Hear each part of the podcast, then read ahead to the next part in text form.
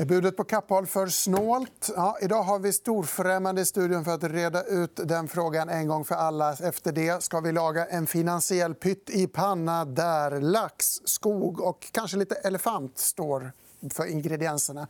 Idag är det fredag. Det här är EFN Börslunch.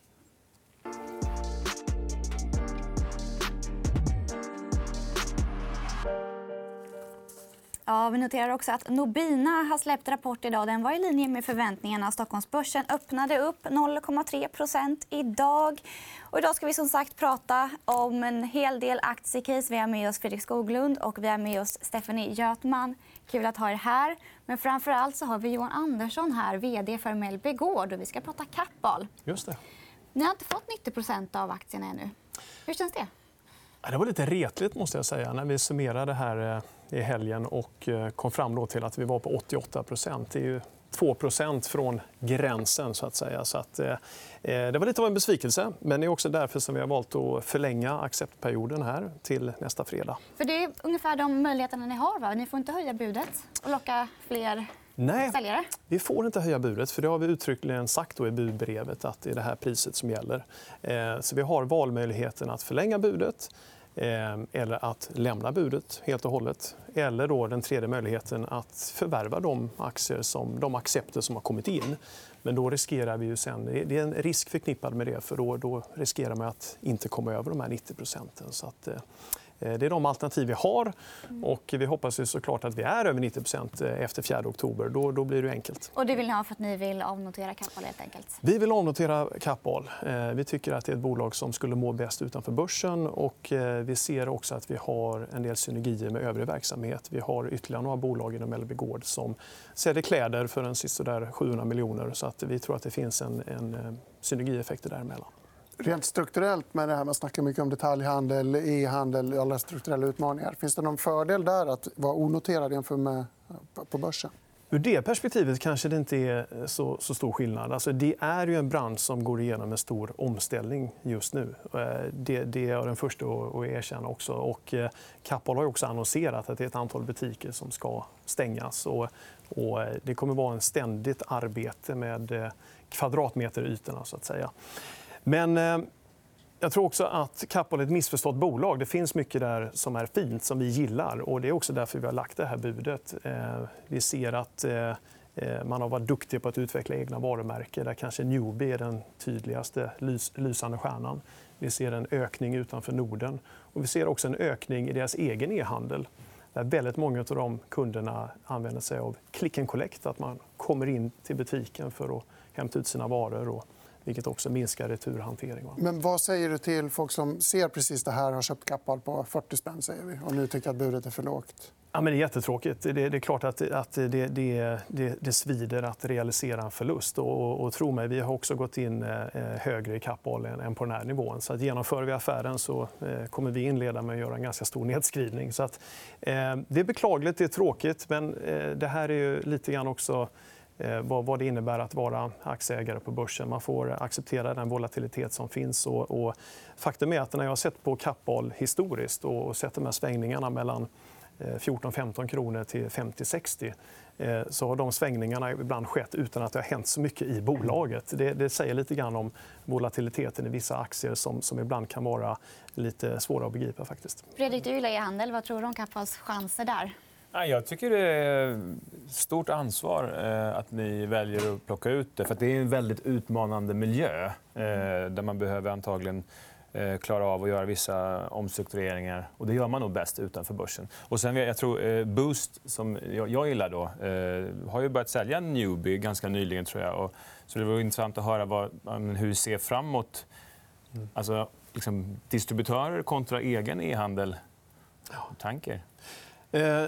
Nej, men jag tror ju definitivt att det finns varumärken inom Kappahl som, som inte bör vara begränsade till bara Kappahls distributionsnät utan som kan klara sig utmärkt på egen hand också. Det är ett exempel som du målar upp där. Så att, eh, det vill jag gärna se mer av framöver. Men det är viktigt att säga också att, att vi är aktiva ägare. Vi har varit inne i bolaget nu i nästan åtta års tid. Och så här, men det är först om vi lyckas med en avnotering som vi ska sätta oss ner med ledning och styrelse och diskutera de här frågorna i detalj. Så det vore fel av mig att liksom här och nu eh, diskutera någon, någon alltför detaljerade strategiska överväganden. Så att säga. Men ett som inte kanske är jättedetaljerat. Jag pratade med dåvarande vd 20 mars om det nya programmet som infördes då att stärka resultatet mm. med 100 miljoner. Kommer ni ha kvar den typen av strategier? Absolut. Ehm, det är ett eh, åtgärdsprogram som har kostat de har tagit en 43 miljoner i kostnader. och Det ska generera besparingar om 100 miljoner då över den kommande eh, 12-månadersperioden. Och det står vi helt bakom. Vi tror att det är helt rätt.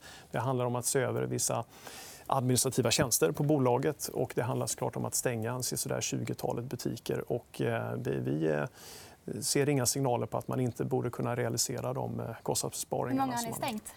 Eh, utav dem eh, är jag osäker på hur många av dem som har stängts i nuläget. Faktiskt. Eh, och, eh, jag tror inte bolaget har kommunicerat exakt eh, hur den geografiska fördelningen är av de butikerna. heller. Men jag tror att flera av dem är i Sverige.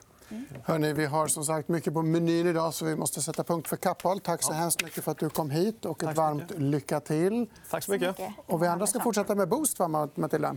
Ja, det ska vi göra. Vi ska fortsätta på retailspåret och gå in och prata om Boost istället som bland annat har investerat i en ny större logistikanläggning i Ängelholm. Fredrik, du gillar Boost. Gillar du investeringen här också? Absolut. Eh, de började ju med eh, i sitt automatiserade lager, vilket är viktigt. Jag tror det var 125 robotar eh, först. Med den här investeringen så kommer man vara över 500 robotar.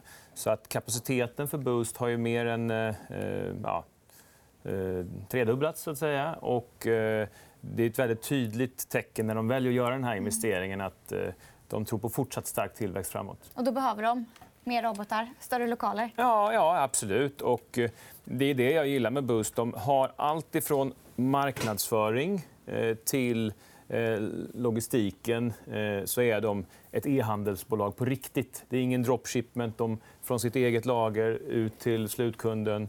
Eh, jag tycker det är ett bra case på grund av det. Men sen är det liksom, de växer 27 och... Hur länge kommer de kunna göra det?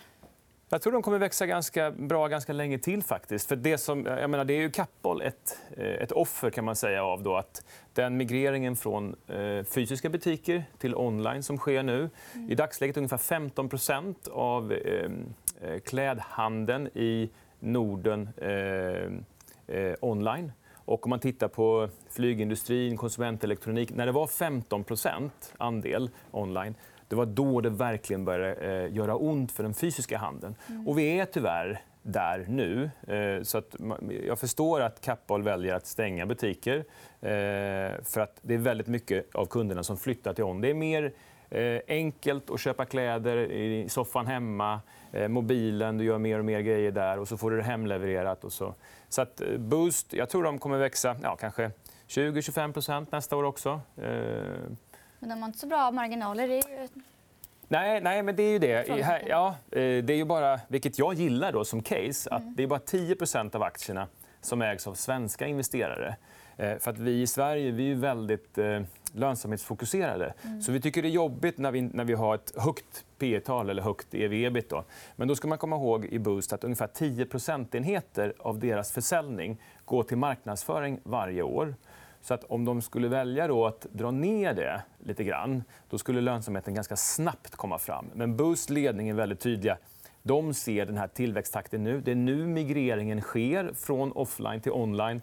Så att det är helt rätt att eh, bara fokusera på tillväxt egentligen. Så att, eh, eh ja, jag, jag tycker det här är ett eh, jättebra case på lång sikt eh, och även på kort sikt. För Förra året i Q3 ni vet, det var så varmt. Så Q3 var katastrof förra året. Och I år har det varit lite mer varierande väder. Hösten har redan börjat komma in i bilden. Så att jag tror Q3 blir lite bättre. Så att det är nog även okej okay på kort sikt. Stefanie, har du någon reflektion när vi snackar detaljhandel eller ska vi gå vidare till skogsindustrin direkt? Nej, men vi kan väl köra lite skog nu när Skogis har pratat så varmt om detaljhandel. Det gör vi. Du ville ha med dig SCA och Stora Enso. Stora Enso tycker vi är roligt att prata om. De har fått en ny vd i dagarna. Har du någon reflektion där?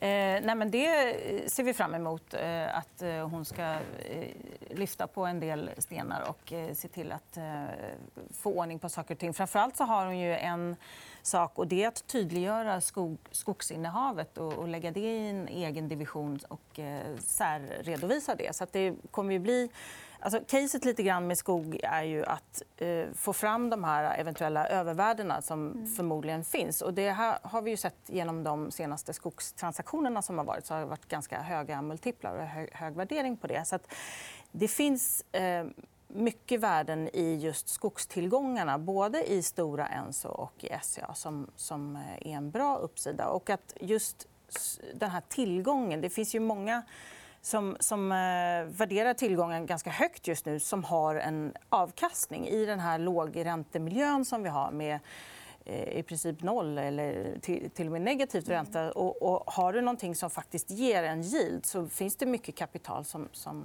eh, drar sig till det. Ehm, så att dels är det skogstillgångarna som är eh, det intressanta. Sen har ju SCA lagt ner tre års tid av investeringar i Östrand som nu faktiskt blir en ganska bra timing på i och med att vi ser att massapriserna i princip bottnar i Kina. Och Kina brukar vara ledande vad gäller de europeiska massapriserna. Eh, så här ser man ju då också en bra timing på just den eh, investeringen. Och I Stora Ensos fall de har ju också massor med eh, olika incitament och de eh, får till den här eh, förnyelsebara eh, mer paketeringen och så vidare. Så det är en rad olika klimatsmarta alternativ som kommer fram ur det här. Och dessutom har ju Stora Enso sagt att man ska öka eh, liksom avverkningsgraden ur, ur skogen. Och det här innebär ju att skogen som helhet kommer faktiskt att binda desto mer koldioxid. För att skogen binder mer koldioxid om den är ung och när den växer snarare än att den är liksom gammal. Så att ju mer man vårdar och eh, tar hand om skogen så blir det en desto större eh, positiv effekt. Jag pratade med Martin Nilsson om det. Han sa att det är många utländska investerare som missar det här. Mm. För att eh, SCA räknas inte med i Sustainalytics eh, ESG-skala. Tror du att fler utländska investerare kommer att leta sig in i de här typen av bolag? Ja, risker, alltså det här är ju någonting som verkligen är på tapeten. Och, och ju mer hållbarhetstänk och ju mer du är för klimat, klimatet så desto större fokus kommer du få. Det har vi inte minst sett på all den uppvärdering som har skett av alla dessa eh, miljövänliga bolag och så vidare. Så att hela den biten, jag tror bara att vi är i början av det. Så att vill man vara med på den här trenden så är det just i skogsbolagen.